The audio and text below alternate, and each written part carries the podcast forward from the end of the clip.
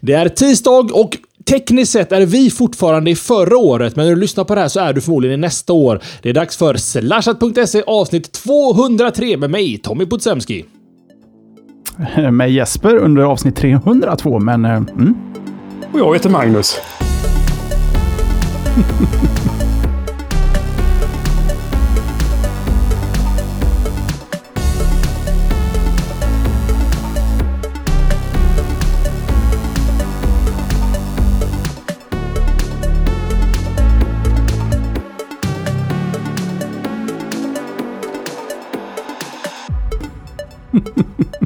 Hur rörde jag till det där? Det, det var väl helt korrekt?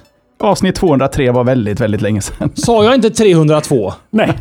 Nej men vad sorgligt. Jag sitter ju och jag kan, jag kan till och med visa vad jag kan kopiera och klistra in här i chatten. Jag, det, Gud. Fast det är många treor och nollor där, det måste jag ändå ge dig. jag tror att jag är lite ordblind faktiskt, på riktigt. Vill, vill du ta det en gång till? Nej, för fasiken. Alltså, en, en sak är eh, standardiserat i vårt program. Vi gör aldrig omtagningar. Då blir det bara fel. Vi gör aldrig fel. Nej, sätter man en ribba som man inte riktigt kan hålla ståndaktigt. Nej. Teknik ska vi prata om den här kvällen. Hoppas ni alla har haft ett fantastiskt nyår och det är dags för oss att njuta av eh, slashat här igen då. Eh, ja, ska, vi har, vi har tid för kallprat. Vi har så mycket ämnen den här kvällen. Så vi går direkt in på förra veckans poll som jag tror att Jonasson sitter på, va? Mhm, det gör jag. Var 2014 ett bra teknikår? Och eh, ja, det här är väl egentligen en, en poll. Vi, vi lät den leva i två veckor kan vi säga. Eh, av den enkla anledningen att eh, förra veckan så körde vi ju eh, förinspelad eh, uppesittarkväll och eh, årsspecial. Så att eh, var 2014 ett bra teknikår? Eh, ljummet svarar de allra flesta, 58 procent. Utmärkt, eh, 38 procent. Eh, och sista alternativet, en besvikelse, tyckte 4 procent av alla er som röstade. Eh, Jesper, Får jag... Ja, ja, det får du jag- Tommy. Ja, tack. Alltså, kan man tycka att ett teknikår är en besvikelse? Vilken nivå av förväntan har man satt om man tycker att hela 365 dagar har varit skit med teknik när det hänt så mycket under året? Android Wear? Till att börja med. Nej, jag är missnöjd Jesper. På våra lyssnare. Ja, fast nu är det inte så där fasligt många som har klickat, klickat i en besvikelse här. Men om man inte tyckte att Android Wear var vad man förväntade sig av en smartwatch, om man tyckte att iPhonen var för stor, om man tyckte att Facebook blev eh, sämre, eh, att eh, streamad media, videos och låtar försvann, det blev mycket bråk om licenser, saker blev dyra. Så visst kan man väl vara, någon sorts nivå vill man väl kanske ha. Och då kan man ju bli besviken. Fast är man inte halva glaset är tomt människa då? Rent Nu ska jag inte dissa de nio personerna som röstade på en besvikelse. Men det känns som att, att, att det är aldrig riktigt bra om man tycker att ett år var besvikelse. Jag tycker att det var lite ljummet faktiskt. Mm. Fast var jag, var jag så. Jag kan svara som dig, för det gjorde jag. Ljummet. Så jag hör till de 58 procenten. Och jag håller med om halv, glaset halvtomt. Men man kan säga att det kanske är ett halvt, eh, halvfullt, halvtomt glas med vatten som har stått framme länge och så har det dammat lite i det. Så att det, det är liksom rent tekniskt halvfullt och halvtomt men äckligt vatten. Jag vet inte om det hjälper. Kanske inte. Vad säger du Magnus? Vad har du röstat på? Ja, jag röstar också på ljummet faktiskt. Eh, men alltså besvikelse, jag kan väl förstå om folk är besvikna om man förväntar sig att det skulle ha skett saker under året som inte överhuvudtaget skedde. Kanske inte bara att, att det som skedde inte var tillräckligt, men att man förväntade sig att Åh, det här är nog året som VR slår igenom på eh, kon konsumentmarknaden eller vad sjutton som helst. Ja, det, det kan ju vara något väldigt specifikt man har hoppats på, men jag tänker att men när vi fick ju NextGen det här året på riktigt. Eh, det blev eh, Apple presenterade en klocka till exempel. Vi fick nya iPhones, vi har nya Nexus-enheter. Vi har, alltså det känns som att det har hänt väldigt mycket i år som är ganska positivt. Android Wear också som en del i det stora hela och WatchKit från Apple. Det, det känns som att Fast händelserna i sig, antalet händelser, definierar inte om det, är, eh, om det liksom motsvarar en förväntning. Man kanske inte... Exakt. Man har sett massa saker som man inte tyckte om. Men exakt. Älskar man eh, Blackberry så kanske 2014 var ett skitår. Till exempel. Ja, eh, jag jag tror nästan 2014, om vi bara tar det specifika exemplet, det är väl det bästa året någonsin för folk som gillar Blackberry, när de ändå gör en telefon som ser ut som Blackberry gjorde på tiden när de var som störst. Den här nya Blackberry Classic. Vi har också rätt infallsvinkel egentligen att vad fan, det funkade då. Vi fortsätter som det var. Det var säkert en liten målgrupp i alla fall som fortfarande gillar den kärnprodukten som vi hade. Vad det var lite pöl där. Ska vi se, vad har vi mer? Veckans poll tar vi senare. Har vi någon follow-up? Vi, vi skulle prata lite om... Eh, vad, du, du snackade lite om Nordkorea där Jeppe. Ska vi ta det som en follow-up kanske? Jag tänkte att vi ser om vi kanske kunde få plats med den efter showen, eller eh, när, när vi ser om våra ämnen eh, håller, håller måttet och räcker till. Att man i så fall, för det har hänt väldigt mycket runt det där sen vi sist pratade om det. För det är ändå två veckor sedan vi pratade om uh, the interview. Vad, vad känner ni nu sen? Nu sen? Jag kan, jag kan tycka att det faller lite in under follow-up. Vi har ju Ja, haft ämnet. Ja, jag tycker den det. nu. Så då stoppar jag in den då, här, Magnus. Eh, jo, nej, va, varsågod. Vad som har hänt då det är ju att väldigt mycket har ju hänt i Sony eh, Pictures. Det är också lite roligt där när man läser mindre tekniskt orienterad press som skriver att Playstation-företaget Sony har blivit hackade. Det är så här, ah, vänta nu. Det har ju väldigt lite med varandra att göra, Sony Pictures och eh, Sony Playstation. Eh, men Sony, i alla fall, Sony Pictures har blivit hackade ganska kapitalt då. I våras, eh, misstänker man i februari, och nu under hösten här, eller senhösten, så har väl en, en grupp människor, eller aktivister på något vänster, läckt ut data då om, om detta. Och vad, vad, egentligen, vad som har hänt nu som är nytt, det är väl egentligen då att, mm, att, att Ja, det känns som att det är media som har skapat kopplingen mellan Sony Pictures-hacket och The Interview. The Interview är en film av Seth Rogen och James Franco. James Franco. Eh, som, som dödar helt enkelt Nordkoreas eh, president, enfaldige härskare, diktator. Jag vet inte riktigt hur man ska uttrycka vad han är, Kim Jong-Un, men han, han, är Diktator chef. är väl hyfsat beskrivande ändå tycker jag. Inte om du är nordkorean. Nej, men det, det är vi inte. Nej, det är faktiskt inte. Så, så han i alla fall eh, dödas eh, kort och slätt och rakt av i filmen. Vilket har upprört då många nordkoreaner, vilket jag kan förstå. Jag menar, hade Nordkorea gjort en film där Barack Obama får en missil skickad in i huvudet i slow motion och brinner upp, så hade några amerikaner varit lite upprörda över att man gjorde så med deras president.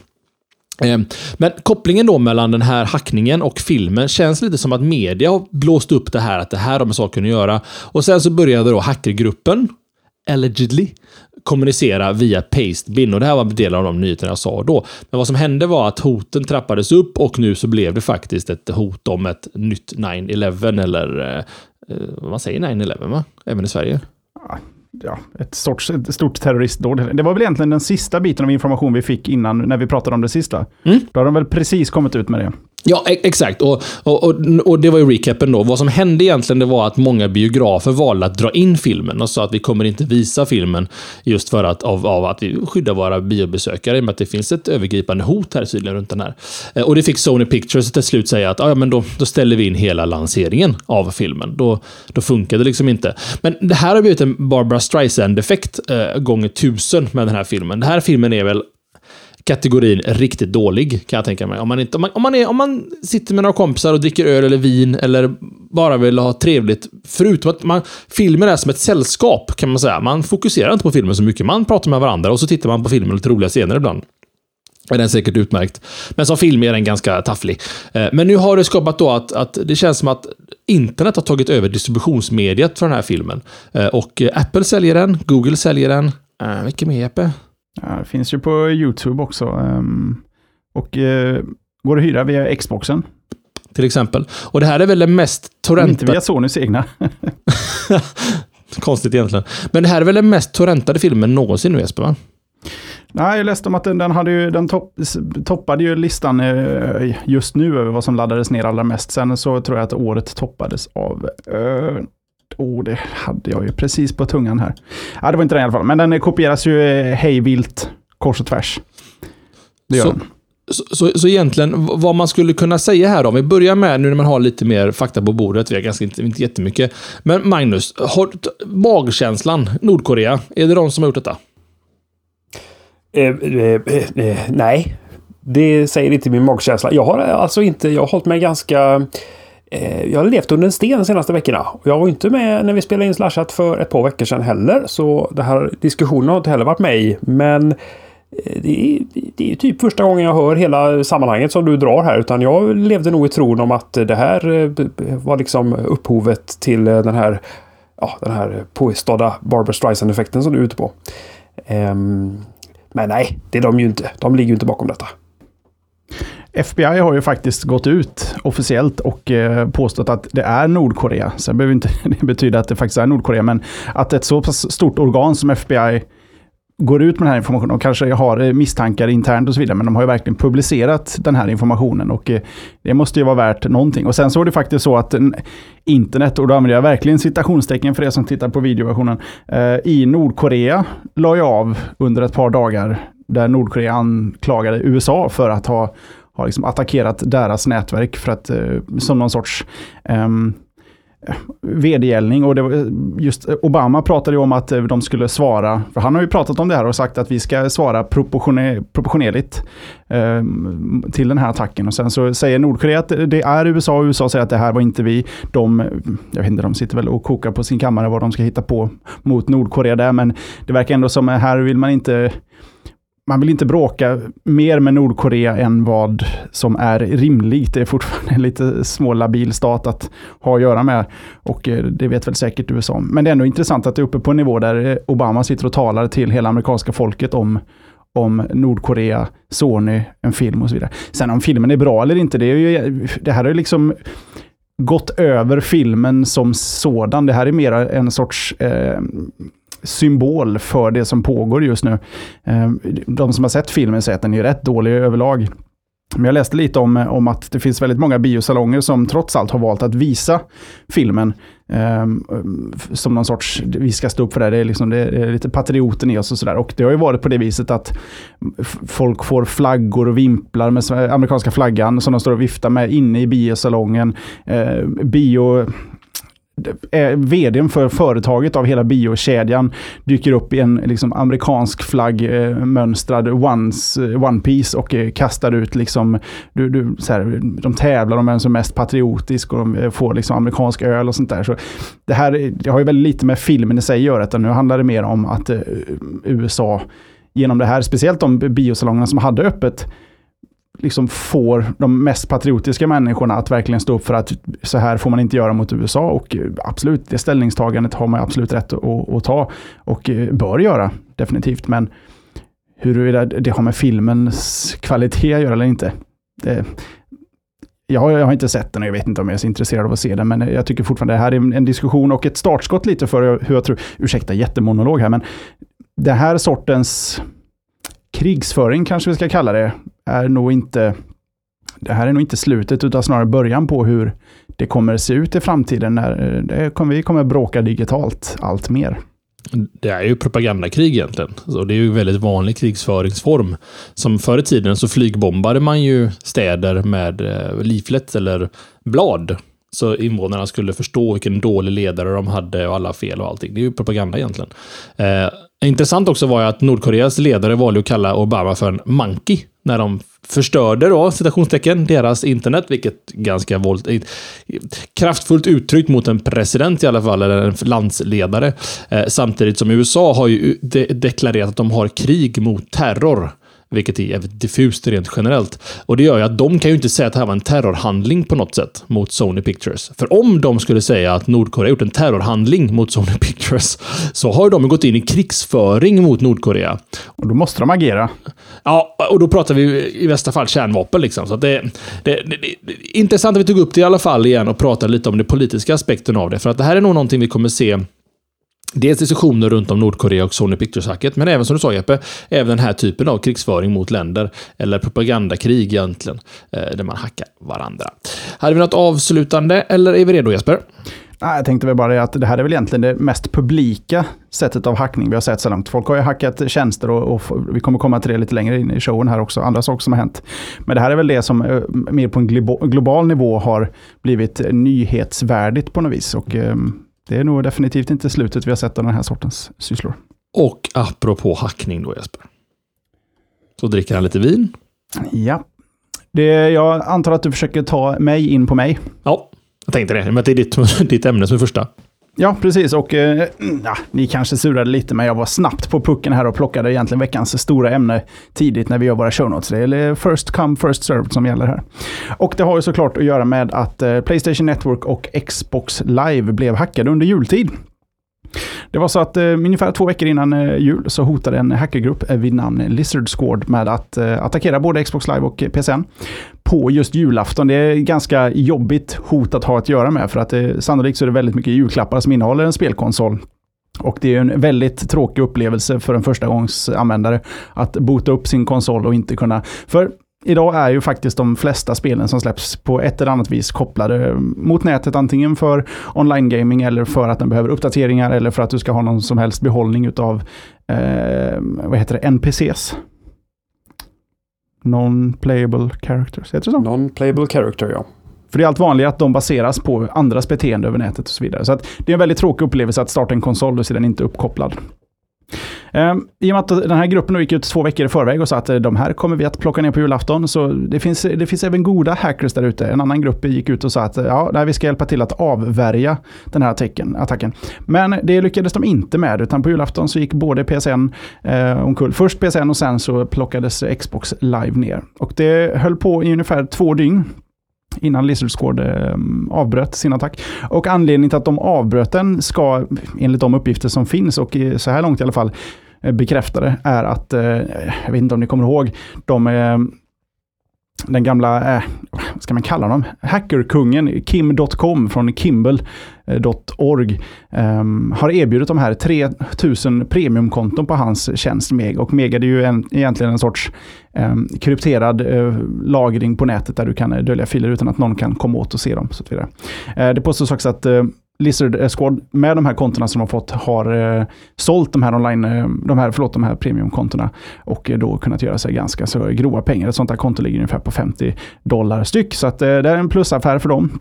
Och det gör det hela egentligen till en sorts utpressning. Sen vet inte jag om det var uttalat att det var det de ville ha, utan om det här var någonting som eh, Kim.com erbjöd dem mot att, eh, att avbryta den här attacken.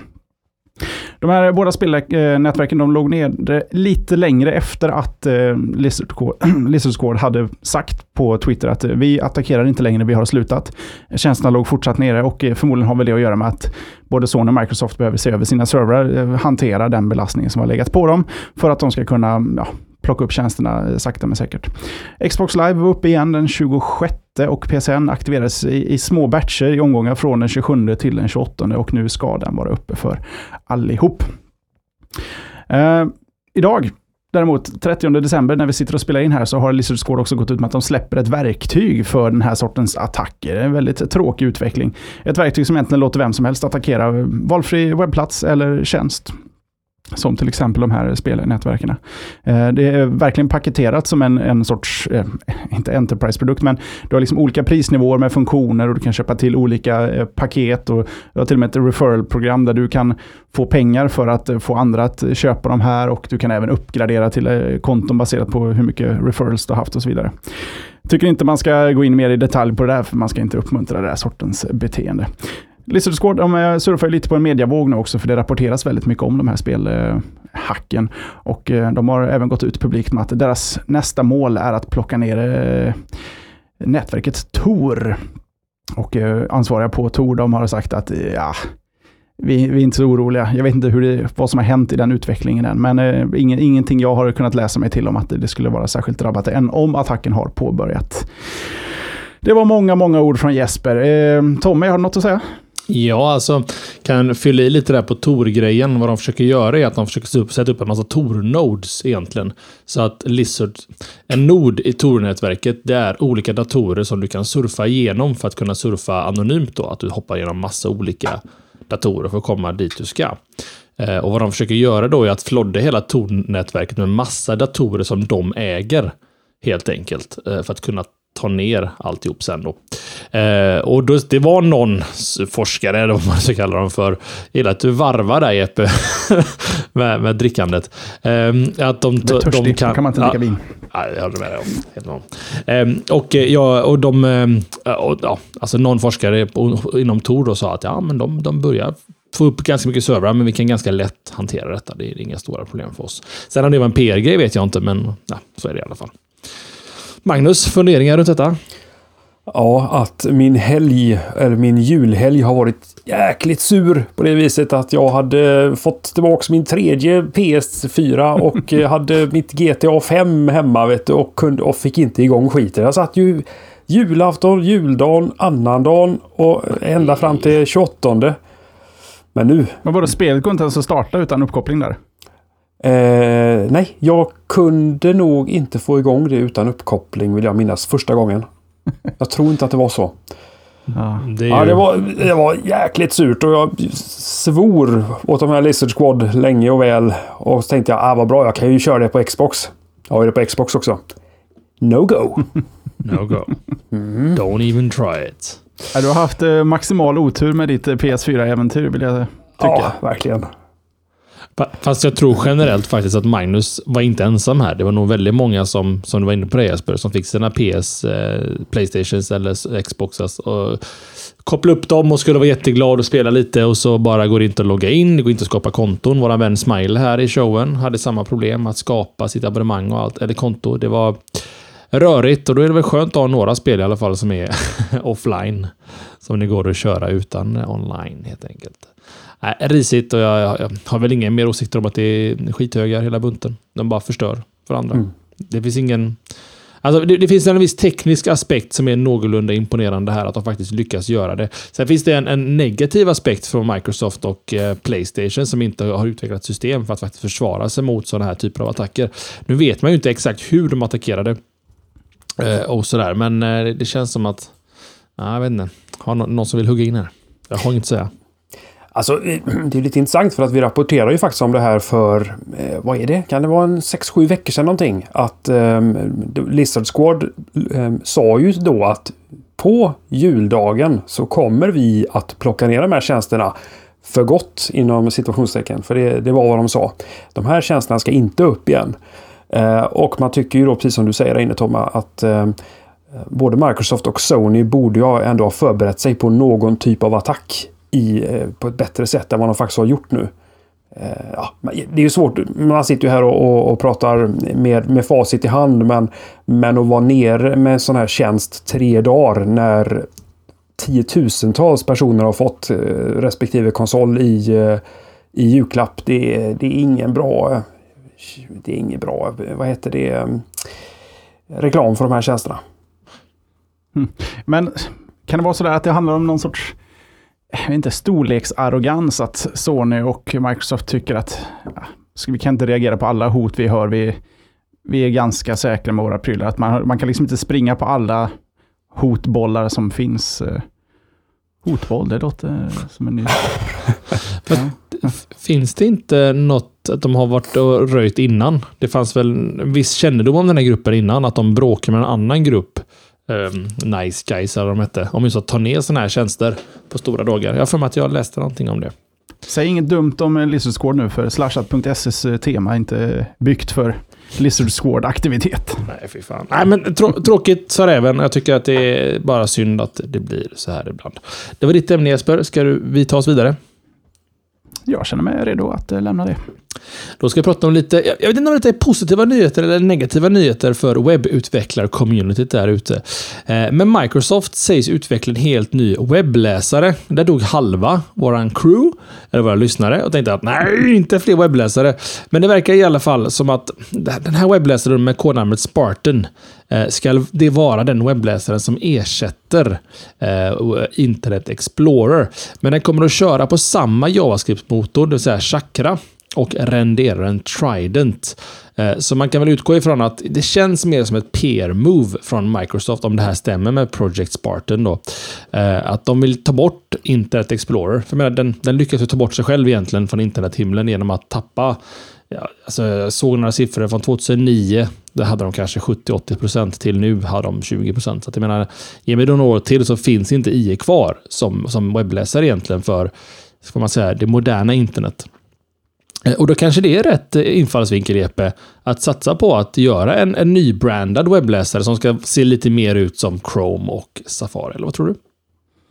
Ja, varför inte? Marknadsföring är kraftfullt och eh, det, om Microsoft bestämmer sig för att på allvar göra en, en, en ny webbläsare så tycker jag man ska uppmuntra det. Det är inget fel på, på deras senaste Internet Explorers och det här gör ju ingen skillnad för webbutvecklare. De kommer fortfarande behöva ta hänsyn till IE6 och uppåt om de har otur, eller ger 7-8. Um, ehm, men absolut, och jag tycker det är ändå konstigt att, uh, att Microsoft ändå, de har inte legat i framkant vad gäller webbläsare sen Netscape-dagarna och det är lite konstigt för att uh, det här kanske är deras nya tag, för om man ser på vad Satcha ändå gör i övrigt, att um, det är väldigt mycket fokus nu på liksom mobilt, det är fokus på eh, online och så vidare. Och då ska egentligen, det finns ingen ursäkt för att Microsoft inte ska ha, som med ett, stor, ett företag av det storlek ska ha världens bästa webbläsare. Det, det borde verkligen ligga på deras, um, på deras agenda att komma igång med supersnart. Ja, Magnus, vad, vad, hur tänker du? Ny webbläsare från Microsoft? Ja, det, för mig känns det mest som ett, um, ett chans för Microsoft att byta namn på det de redan har till någonting annat. Det, jag, jag, håller inte Internet Explorer uh, särskilt högt och uh, de får överbevisa mig. Tills mm. dess så är jag sval. Vi på tre mackar drabbas inte nämnvärt ändå. Nej. Men, men det vore ju faktiskt Men det vore faktiskt ja. jättekul om Microsoft gör en webbläsare som vi tre på Macar faktiskt installerar i slutändan. För att den är bättre än Chrome, den är bättre och snabbare än Safari eh, och den har bättre pluginstöd än Firefox. Det hade, det hade ju varit kul om man om tre år faktiskt sitter där och säger att shit, nu sitter vi faktiskt här på eh, Apple-ägda, Apple hårdvara och mjukvara och faktiskt kör en Microsoft webbläsare. Vem kunde tro det för tre år sedan? Vem vet? Eh, Project Spartan lär, berätt, lär det berättas mer om den 21 januari då Microsoft ska presentera nyheter i kommande Windows 10. Det ska också nämnas att de här ryktena säger att den här webbläsaren inte kommer, eller vänta nu, IE kommer fortfarande skeppas med Windows 10 av kompabilitetsskäl. Eh, och jag misstänker att de kommer sideloada in den här nya brynaren. Att försöka bygga upp lite bass runt omkring den. Att de ska ha fokus på kompabilitet med webbstandarder. Att de ska vara webbläsare med pluginstöd och allting. Och sen sakta rulla in den i Windows 11 som den förvalda webbläsaren. Vi får se. Det var menat att vara lite, lite kortare ämne, så jag lämnar med varm hand över till Jonasson och kanske en forumtråd, va?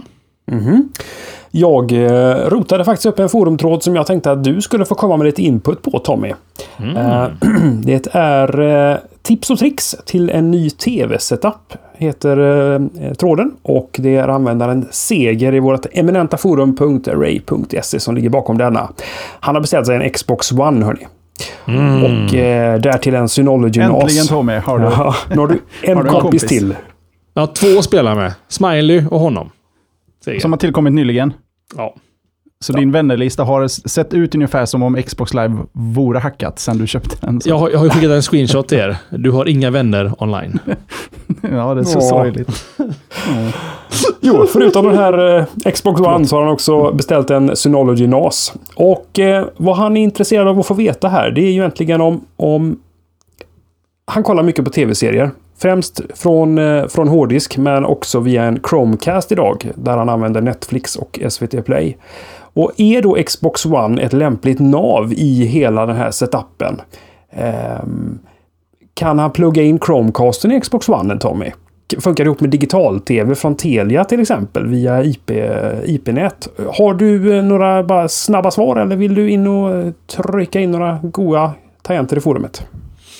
Nej, alltså jag kan ju ge en teaser-svar och säga att jag har ju egentligen i mångt och mycket hans setup här med en Synology NAS som, som nav då och sen Xbox One som uppspelare eh, och Plex där till. Jag kör ju inte Telias digital-tv utan jag har ju faktiskt Comboxer, Comhem, ja, någon typ av digital-tv-leverantör via parabol. Eh, och där, där har jag bara en HDMI-kabel in i Xbox One och då är det väldigt kompatibelt. Sen så har man ju problemet... Det Men den hade bara en HDMI eh, in va? Exakt Jesper. Det finns ju bara en HDMI in. Så att eh, jag hade gärna tryckt i Chromecasten där som en extra HDMI-enhet. Eh, så att jag kör ju faktiskt fortfarande Chrome. Så nu kör jag egentligen bara Chromecast och Xbox One. Eh, jag tänkte skulle ge Jeppe en vänskaplig tour imorgon när jag är in, i huset. Får visa hur det funkar. För att det funkar, det funkar riktigt bra. Jag är supernöjd. Och speciellt sen jag har satt min Mac Mini som, som Plex-server. Eh, för nu kan jag streama 1080p med 5.1 ljud eh, över nätverket. Och så, där kan jag berätta som lite anekdot. Jag har haft lite nätverksproblem här hemma och har grävt och har grottat och bråkat. Och jag har ju två våningar i mitt hus. Och då visar det sig, för all hårdvara står på övervåningen och alla spelare på nedervåningen. Den kabeln som kopplar ihop nedervåning till övervåning. Ja, det är en Cat 5. Inte Cat 5e, utan Cat 5. Den gamla kabelteknologin. Den här kabeln har du och jag Epe, haft i vår gemensamma lägenhet över golvet till exempel. Det var på den tiden det tog oss en timme och sex minuter att föra över en 650 megabyte stor film från en dator till en annan. Just det. Lagligt. Den- den Hem- kabeln. Hela film. Ja, eh, den, den kabeln var det. Eh, Så att jag gjorde så att jag bytte ut den mot en Cat 6e-kabel tror jag det är. Och nu går det som ett jehu här hemma i Det var bara nätverket. Cat 6. Var det inte E? Det var någon... Nej, det kanske Ja, var de nog bara... ju på standarder. Det var ju upp till 5E. Jag vet inte om det kom någon efter 5E. Sen blev det 6 som inte jag minns helt. eh, Jag tror rätt där även- Jesper. finns även sju också nu. För övrigt. Skulle ha köpt på den, framtidssäkra. Så jävla dyra, för det var jag behövde 20 meter. Synd att du inte sa det innan du gick och köpte, för jag har 25 eh, eller om det är 50 meter Cat 6-kabel liggande som inte jag har användning av i en, eh, ra- ett radhus på två rum och kök. Nej, det är lugnt ser du, för att jag har ju ett LAN-paket här, så jag har mycket kabel som helst och det var Cat 6 hela bunten, så jag kunde bara trycka ner det genom röret. Skitsamma, mycket detaljer om meningslösa saker, men jag ska in i forumtråden och ge lite tips där. Men eh, har han ändå köpt en beställd Xbox One så är det bara att sitta på händerna tills du faktiskt får hem grejerna, för du har ju allting på plats, så att säga, och bara testa det fram. Jag är väldigt, väldigt nöjd med min setup. Någon dag ska jag filma min setup och visa hur jag, hur jag lever här hemma. Det var mycket där Magnus, men jag lovar att skriva lite också i forumet. Gör det. Får jag, I- får jag liksom eh, bomba eh, veckans forumtråd? Ja, det får man. Det här med att filma sin setup, det har vi en tråd om. det. En gammal, gammal tråd. Eh, Tour of the Geeks, kan det heta så? Nej? Tour of a Geeks Room heter den. Tour of a Geeks Room kan man ju söka upp på Mm. forumet om man vill. Eh, Där vi egentligen, eh, flera stycken har gjort en sån eh, enklippsfilmning genom vår tekniksetup, hur saker och ting hänger ihop. Väldigt kul att titta på allas olika lösningar. Hmm. Nice. Just det. Nice. Bra tips. Veckans forumtråd i alla fall. Den eh, ligger i eh, kategorin datorer hårdvara och heter då som sagt Tips och tricks till ny tv-setup. Därifrån så tar jag mig själv vidare tänker jag. Tycker jag absolut. Då ska vi prata Kodak. Kommer ni ihåg Kodak Jesper? Eh, Rull, filmrullar och annat. Ja. Svordomar och dyra framkallningar och hela det kittet. Gula var de också. Eh, skämt åsido, eh, gamla fotojätten Kodak har precis utannonserat att man kommer att licensiera ut sitt namn och varumärke till en, håll i nu, helt ny serie Android-telefoner. Dun, dun, dun. Eh, nu ska man ju inte bygga de här själv då, för det är ju inte det man gör bäst på, på Kodak. Utan de här kommer att byggas av ett eh, brittiskt företag som heter Bullet Group. Som tidigare ligger bakom ett antal eh, riktigt ruggade smartphones för eh, eh maskintillverkaren Caterpillar.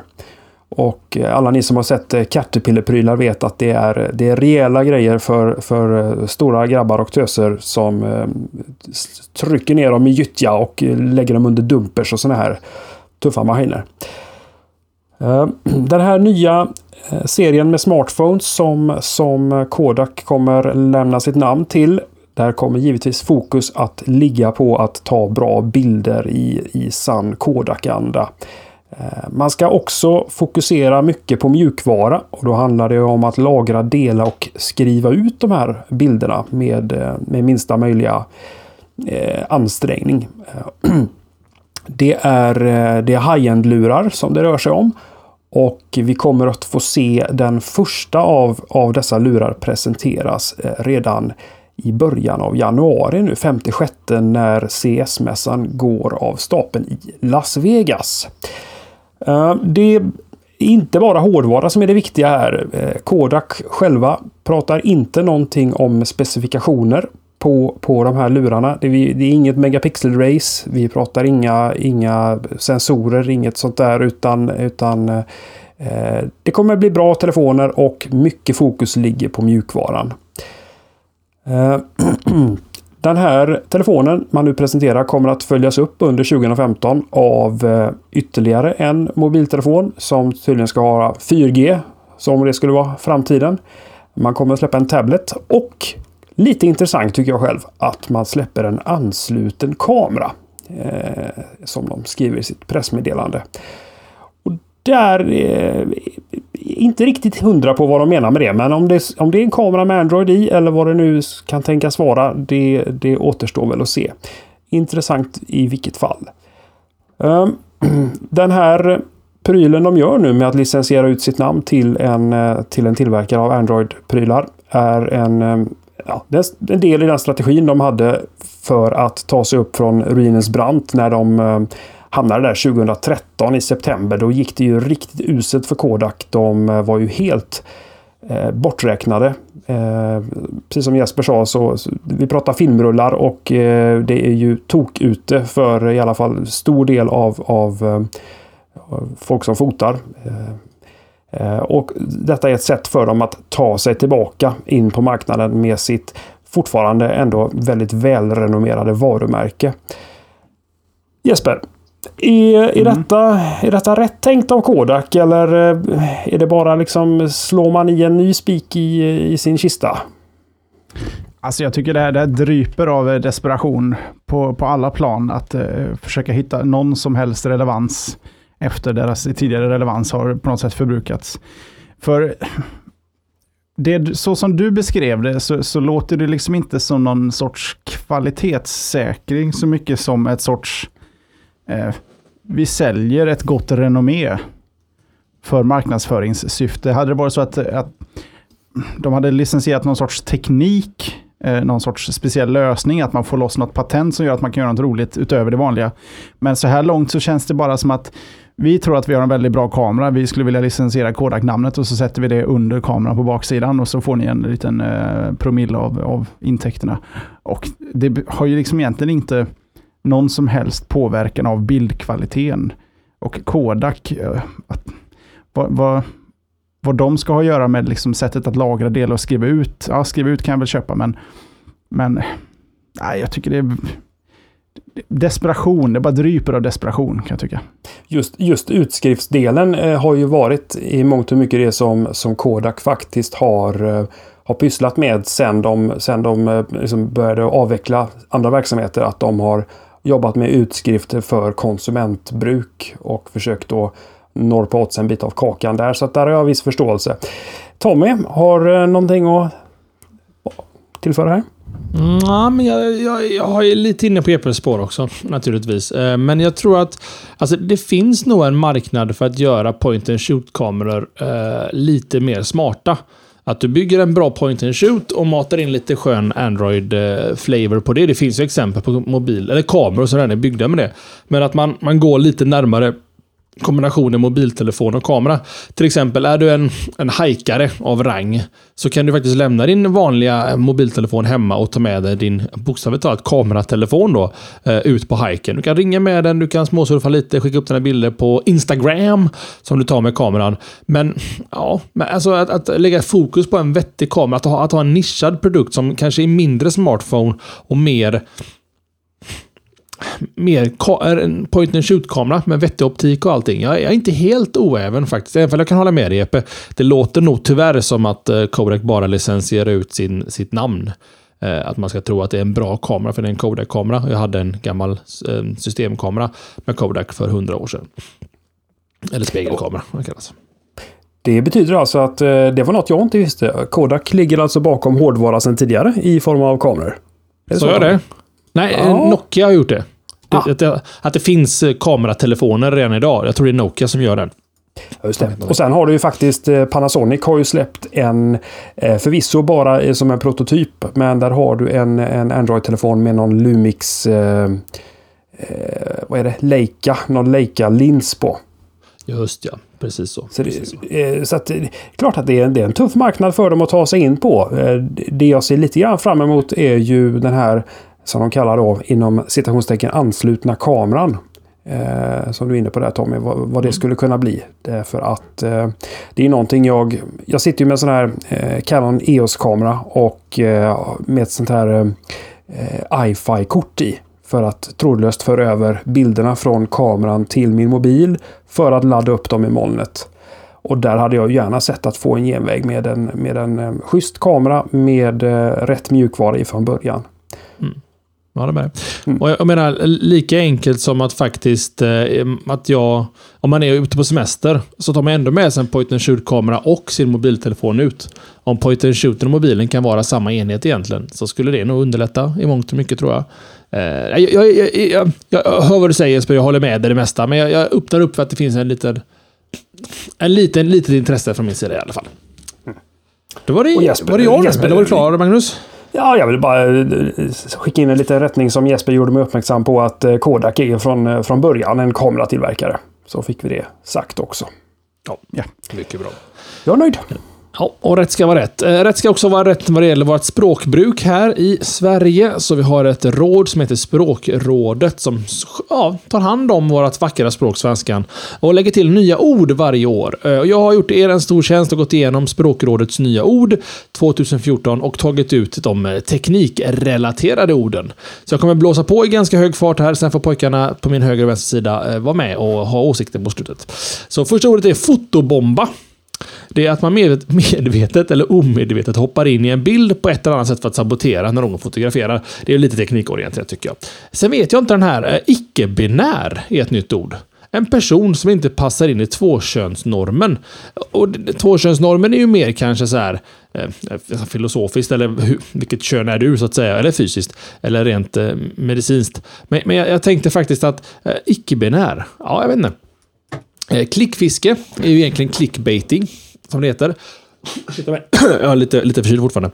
Eh, clickbaiting, användande av lockande eller avsiktligt vilseledande rubriklänkar på nätet som används för att locka till klick. En mobilzombie, det är helt enkelt en person som är försjunken i sin mobil och inte lägger märke till vad som sker runt omkring. En selfie-pinne kommer vi snart få se i bild här. En selfiepinne, säger jag igen då. Da, da, da, da, da. Har Jeppe i handen där. Som, eh, jag, som nästan borde ha varit årets eh, julklapp, eh, kan jag tycka. Jag har sett många selfiepinnar som har sålts den här julen, bland annat till min svärfar. Han älskade selfiepinnen. Det är stativ egentligen, eh, i form av en armförlängning som du kan använda för att ta då självporträtt. En spoiler... Jag bjuder på en live-tagen bild här, tänker jag, och lägger i vår Twitter-feed sen. Så har vi en från en livesändning också. Det tycker jag låter fint. Eh, spoilervarning faktiskt har kommit in som svenskt ord. Eh, och det är egentligen en varning som uppmärksammar mottagaren på att innehållet i exempelvis en bok, en film eller ett tv-program kommer att avslöjas och då riskerar att förstöra upplevelsen för den som inte har läst eller sett det som avhandlas. Här är ett ord jag inte kan uttala, men jag tror det är TVOD. T-V-O-D-D. Det är en poddsändning med rörlig bild. Tvådd hade jag sagt Tvådd. också. Jag tvoddar. Det har jag aldrig hört faktiskt. Nej. Och det kommer mer ord. Det är konstigt när jag ändå sysslar med det eh, på något vis. Och ännu mer ord. Juicy. En, ett självporträtt med en kändis eller annan person. En Jussi. Är det inte en Assi? Ass, assi? Ass, aha, ass jag. i, ja, istället för self så är det assi. Det är bara en gissning, jag vågar inte, ja, förlåt, jag har fullt upp med ja, selfie Ta din selfie där. Projekt. eh, och virtuell våldtäkt som är väldigt tråkigt, men det är helt enkelt eh, sexuella övergrepp där någon på distans tvingar en person att utföra sexuella handlingar framför en kamera. Och sist då så har vi Jola. Inte YOLO, utan YOLA. Det är YOLO, fast försvenskning av det. Ett verb. Eh, leva livet som varje ögonblick vore det sista. Carpe diem eller fånga dagar. Jeppe har fullt upp där Magnus med att ta en selfie. Vad säger du Magnus? Var det något ord här du högg till på så känner att det där vill jag påpeka? Det var ett ord jag inte förstod som jag tänkte att du skulle få, få förklara för mig. Du som är mm. så ung. Joloa. Ja. Nej. Jolo. Vad betyder det? Har du aldrig hört YOLO, Magnus? Jag har hört YOLO, men vad betyder det? You only live once. Ah. Det är alltså det, den nya generationens Just Do It. Ja, som Nike. Så att, det, så att det, det är generationsgrej egentligen. Jag förstår att många inte alls fattar vad YOLO är. Eh, men det är ju vår... Vår generations Just Do It. Ungefär där skrev jag ut mig ur... Eh, ja, ur, ur slashat kan man säga. Ja, så, gammal, att, så gammal är jag. Tappar nog lite street cred här tror jag, Magnus. Ja, jag gjorde det. Men det bjuder ja. jag på. Jag är ändå öppen med det. Det tycker jag. Jeppe, några ord? Du kände här att du ville fiska upp? Nej, jag kan väl tycka att om det nu är assi så är inte det ett så bra svenskt ord kanske. Hålla med. Om man alltså, en... vi, vi låter inte alls bra. Nej, Nej alltså klickfiske eh, tycker jag ändå är en, en ett, ett bra... Ett, ett, ett ord vi bör utbilda folk i. Vad, vad det är frågan om, för det, det är ett fasligt klickfiskande där ute. Fotobomba uppmuntras. Mm. Annars har jag inte... Tvådd var ett väldigt konstigt ord. Ja, jag har aldrig hört det. Eh, mobilzombie är rätt kul också. Det är väldigt beskrivande, måste jag säga. Jag gillar det. Fast det har liksom, det, jag tycker det där för folk, att sluta titta ner i mobilen, det, det ser så tråkigt ut, ni sitter där som zombies. Man, man har hela sin värld i en enhet som är 12 gånger 6 cm och eh, under 1 cm tjock. Det finns så fantastiskt mycket man kan göra på mobil. Jag tycker att sitta med möjligheten att inte ta del av hela världen, det är, det är slöseri. Så jag tycker att det är, det är lite taskigt att kalla det en sorts eh, mobilzombie. Alltså här sitter du bara på bussen, jag sitter i hela världen här. Jag förstår, jag förstår hur du tänker, men man, man tappar mycket av intryck också från, från det verkliga livet, så att säga, genom att, att missa saker. Det är så tråkigt ibland när man är på semester och ser och går runt och promenerar i en stad och ser andra turister där som bara sitter med huvudet nere i mobilen. Då kunde man ju stannat hemma och kollat på en film om New York istället. Sen kanske de jobbar där, jag har ingen aning. Eh, det var en annan sak jag såg som var helt fruktansvärt, det här är ju tråkigt att ta upp egentligen, men det var en kvinna som står med en... Allting gick bra, ska jag säga, så inte någon får panik här nu. Allting gick bra med barnet. Eh, men en kvinna som står vid en tunnelbanestation med sin vagn och vänder sig om och vagnen rullar iväg ner mot spåret. Och då kommer en kille gåendes som är en mobilzombie och missar helt vad som händer. Och vagnen ramlar ner på spåret. Eh, som tur var så klarade sig bebisen. Ett och två, det kom inget tåg. Men där har man en situation där alltså man ska ändå vara uppmärksam på sin omgivning och faktiskt folk kan ju behöva din hjälp eller din, din uppmärksamhet utöver dina vänner i mobilen. Säger jag som är fantastisk datanörd. Ska nämnas också. Säger du att titta på din Android Wear? Ja, jag får meddelanden. Ja, just det. Ironiskt. Här är ju stort mervärde om man kollar på slashat.tv. Klockzombie, nästa års eh, ord kanske. Nej, inte Det ser man inte ut som en zombie, man ser bara väldigt stressad ut. Oh, han går och kollar på klockan hela tiden. Han måste ha en tid att passa. Nej, men fan. Då, då måste jag faktiskt plocka upp den pucken. Och de som har vid min dörr här. Eh, plocka upp den pucken och säga att jag har ett jätteproblem på jobbet. Eh, för när jag talar med kollegor som kanske inte är av min generation, eller av vår generation ska jag säga. Eh, inte Magnus generation, men Wanders generation. Rätt över huvudet. Eh, eh, så, så, så, så ibland så tittar jag upp på mobilen under samtalet. Så en gång sa faktiskt en tjej till mig att men har du någonstans att vara? Jag bara, nej vadå? Du kollar ju på klockan hela tiden. Jag bara, oj, det, jag får meddelanden här. Det är, det, det är ju inte snällt att sitta och titta på den naturligtvis. Fick jag dåligt samvete. Men det, är så, men det, det vibrerar ju så tyst på armen så ingen annan uppmärksammar ju på att jag faktiskt fick ett meddelande. Men det är så att leva i framtiden Magnus, eller vad säger du? Jaha då, så är det. Jag är, jag är där nu. Du är där nu? Välkommen! Ja, du Tack, jag outade dig nu senast här om det. Just det. Det känns himla, himla bra. Ja, härligt. Hur, du har en Moto 360. Som en chef. Ja, himla nöjd. Himla Ja, men nöjd. den är fin. Du är fin Det kan vi också. prata länge om det här, men jag tror inte vi gör det idag. Jag tror folk fick eh, så det räckte i eh, våran års eh, slash jubileums slash uppesittar. Eh. Var jag med? Ja. Ja, trevligt. Sen åkte du in i en virtuell värld och var en virtuell zombie. Ja, det var bra. Det var, det var någon typ lite av... eh, sidetrack här, men kan man har du beställt den?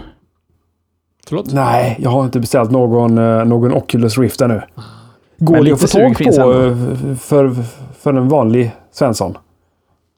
Det tror jag nog. Eller måste jag ha något utvecklarkonto hos Facebook? Du måste ha ett Facebook-konto. Kanske där Ja, du går bet. Ja, ja, Nej, du, är ju, du har ju faktiskt ett Facebook-konto. Jajamän, ja, ja. Mot, Men jag tror eh, väl- Motsträvigt. Tror väl säkert att om du smeker Johan Medhårs kan du säkert få låna den en helg. Hans, Mm. eller deras, hans företags. Det går säkert fint, tror jag. Då får du smeka ordentligt tror jag, men eh, det är ändå värt ett försök. Men. Sitter där ensam och bara helt eh, trilla över bord och bokhyllor. Man, ja, berg och dalbana. Man, man hittar sig själv hängande i taklampan. Ja. Ma- Magnus kommer till jobbet. Vad har hänt? Jag ramlade ner för en trappa. Får bara säga. Just det. En virtuell trappa. Det kan vi ju faktiskt passa på att tipsa om det är någon som har missat det, som inte har haft koll på vår videokanal. Att vi testar ju faktiskt. Vi har en 35-minutare där vi allihop testar eh, Oculus Rift Mark 2. Inspelad i samband med eh, specialen. Kan man kika på slashat.se. Satsa.tv till och med. Där också. Där. Mm. Helst Det, där. alltså det, ett sånt klipp som vi gjorde där, det, det gör ju inte själva upplevelsen eh, någon som helst rättvisa. Det ska man ju ha himla klart för sig. Den är ju Ja, mer eller mindre religiös, upplevelsen. Eh, inifrån. Mm. Ni märker att vi flummar ut lite för att ämnena är i princip slut. Vi har en liten gav från dig Magnus va? Ja, men det har vi. och eh, det här var egentligen, alltså det här är ett kul ämne. Eh, och det har att göra med eh, de här Hue-lamporna som, eh, som du sitter på Tommy, som Johan lyckas ha fått igång hemma och som jag sitter på och som Jesper hatar över mycket annat. Mm. Då är den här kabel-tv-kanalen som heter Sci-Fi, en amerikansk kabel-tv-kanal. De har bestämt sig för att vi ska allt använda de här Hue-lamporna till någonting riktigt häftigt. Får Tommy säga en fråga här Magnus? Ja, då säger en fråga. Innan du kommer in på vad du ska säga. Sci-fi, är inte det en plojkanal? En de plojkanal? har varit på alla, i hela spektrat mellan seriöst och oseriöst. För de är väl ansvariga för de här Sharknado-aktiga grejerna. Ja, det stämmer. Jaha, de okay, fokuserar för... väl på liksom, eh, skräck, eh, science fiction, eh, paranorm, paranormal stuff activity. Ah, Okej, okay, för, att jag, för att jag trodde att, att även namnet, de, de har ju felstavat sci-fi, alltså S-C-I-F-I. Eller? Jo. Eh, ja, de hette ju sci-fi, riktiga stavningen innan hette de ju faktiskt. Så jag, jag, tror, jag tror alltid att det var att hela vägen var ett... Uh, tänk er Comedy Central. Fast vi bara plojar Paranormal Activity och skräck och uh, sci-fi. Trodde jag, på första allvar. Ja, nu vet det. Nej, ja. det är det inte. De har även, alltså Ascension är ju en ny eh, dramaserie och Defiance Continuum var ju en väldigt populär eh, serie bland annat. Så de har kört en showcase som de har gjort för Kanada som de har plockat in. Det, det, det är seriös tv så att säga. Sen är det väl inte alltid, det kan vara lite hammy, men de, gör, de skojar inte. De har bara inte budget på annat än hammy. Eh, nej, jag har ju faktiskt inte sett något från sci-fi just. Men, men de har en serie som heter 12 Monkeys. Och eh, den här serien tänker de koppla till Hue-lamporna.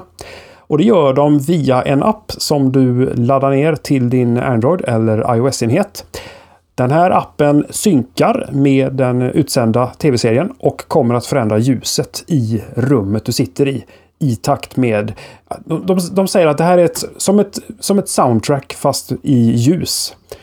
Eh, och kommer då att eh, ja, förstärka upplevelsen ytterligare med, med, ett, med ytterligare ett sinne. Då. Eh, de gjorde detta även för Sharknado och Sharknado 2. Ja, men då så. Ja, precis. Så att, och där har vi återigen referensen till det Jesper säger, att de, de hade kanske inte pengar till mer. Och det var ju inga, det var ju inga A, AAA-titlar direkt. Frågan är, är detta någonting som är intressant? Att kunna eh, synka upp sina hjullampor till eh, det du tittar på? Eh, blir det en, en mer uppslukande upplevelse kanske? Eller är det ytterligare bara en distraktion när du kollar på din favorit-tv-serie Jesper? Eller, nej, Jesper är ju fel. Vi kan börja med dig Jesper ändå. Du är ju så himla anti-Hugh. Vad, vad tycker du om det här? Nej, det var ju Hue som lampa. Jag gillar ju funktionen i den. Det var, det var, bara, det var liksom ett enda tekniskt misstag med den där som gjorde att jag blev lite anti. Men i övrigt så gillar jag idén. Sen att färgade lampor överlag eh, känns lite billigt. Men det är faktiskt så att jag, jag knackade ju på hemma hos eh, vår gode vän Johan häromdagen. Och eh, tog, slängde ett snabbt getöga på hans Ambilight. Och insett att okay, det, det är lite cheese när det lyser blått och rött överallt i rummet. Det blir lite så här billig disco eller porrställning. Men det gör väldigt mycket för upplevelsen av det man tittar på. Och att få den rums... För man behöver inte Ambilight för att det här ska fungera, det som sci-fi sysslar med.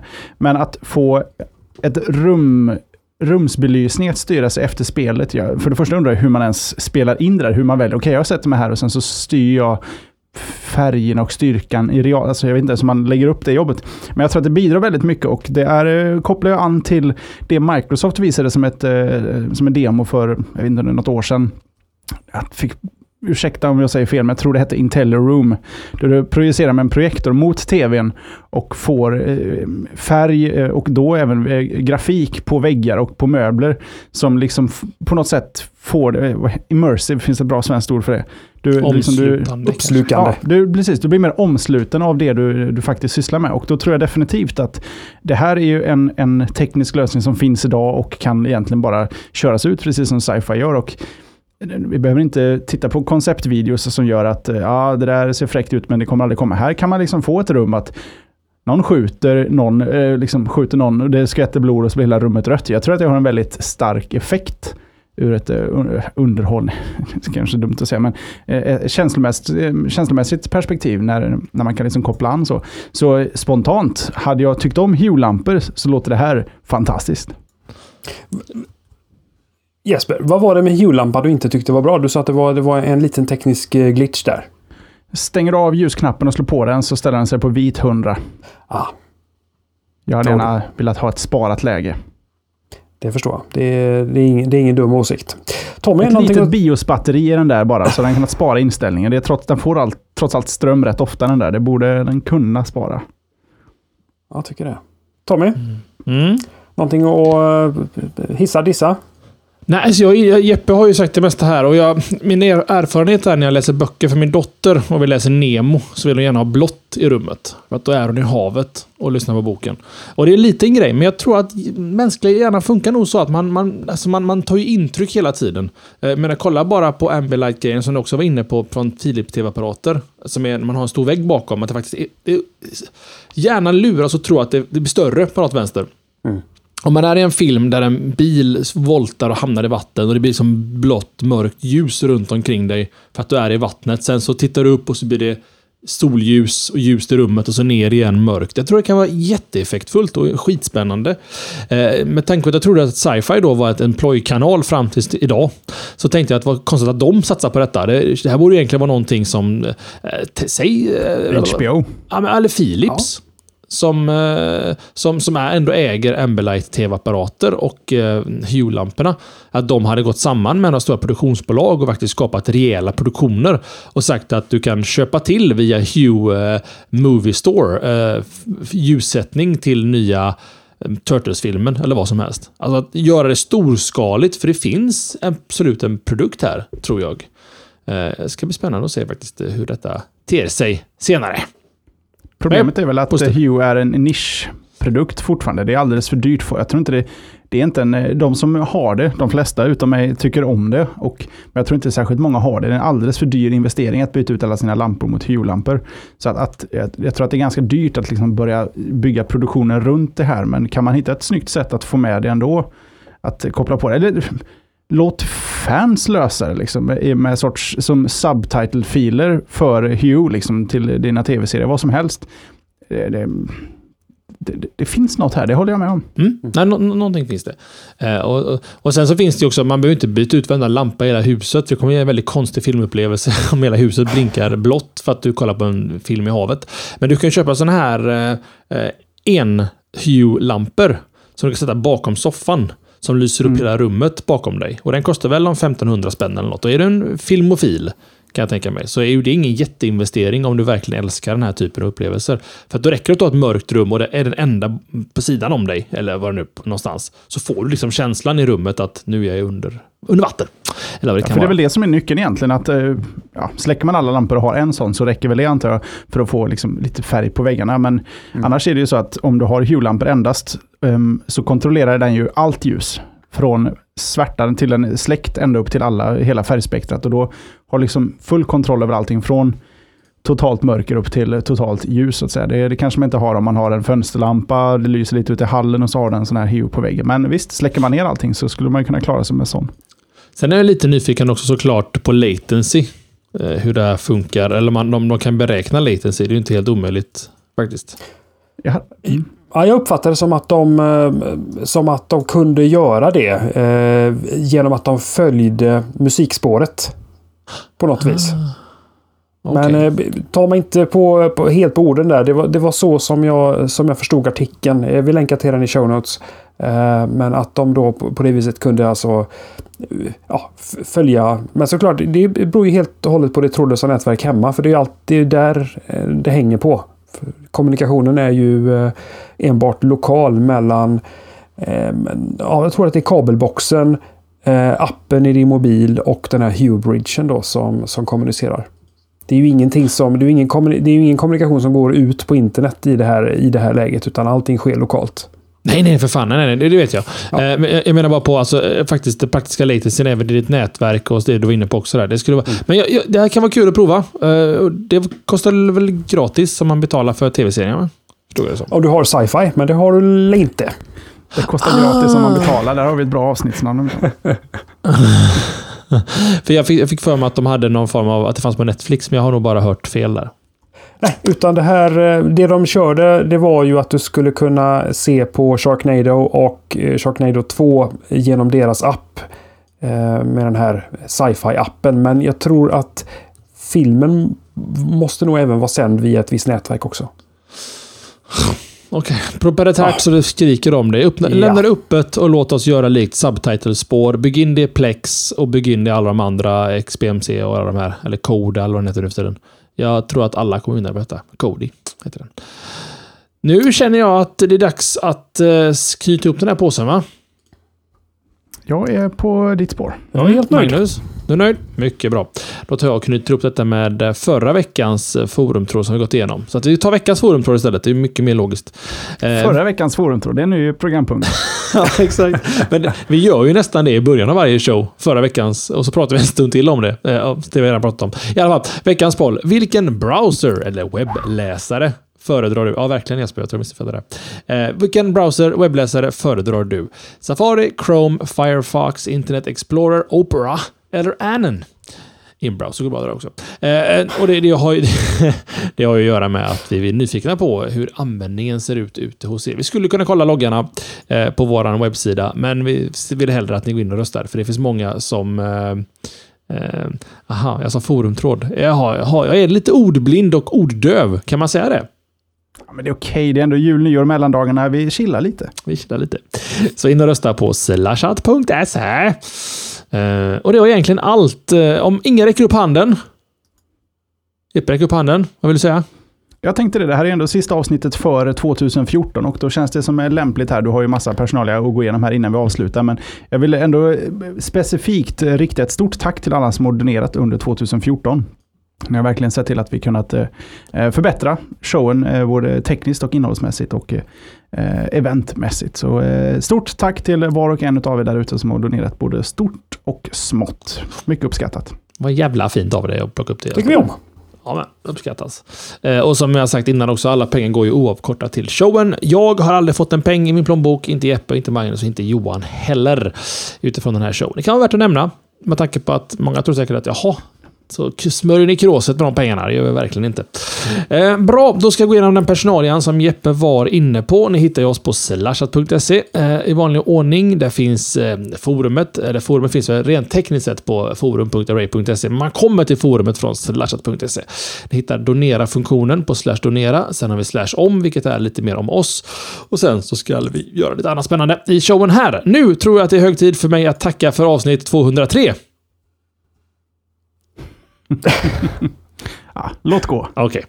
Okay. Eh, för den här 30 december 2014. Ta hand om er så syns vi igen. Och det här älskar jag att säga. Vi hörs nästa år. Hej då!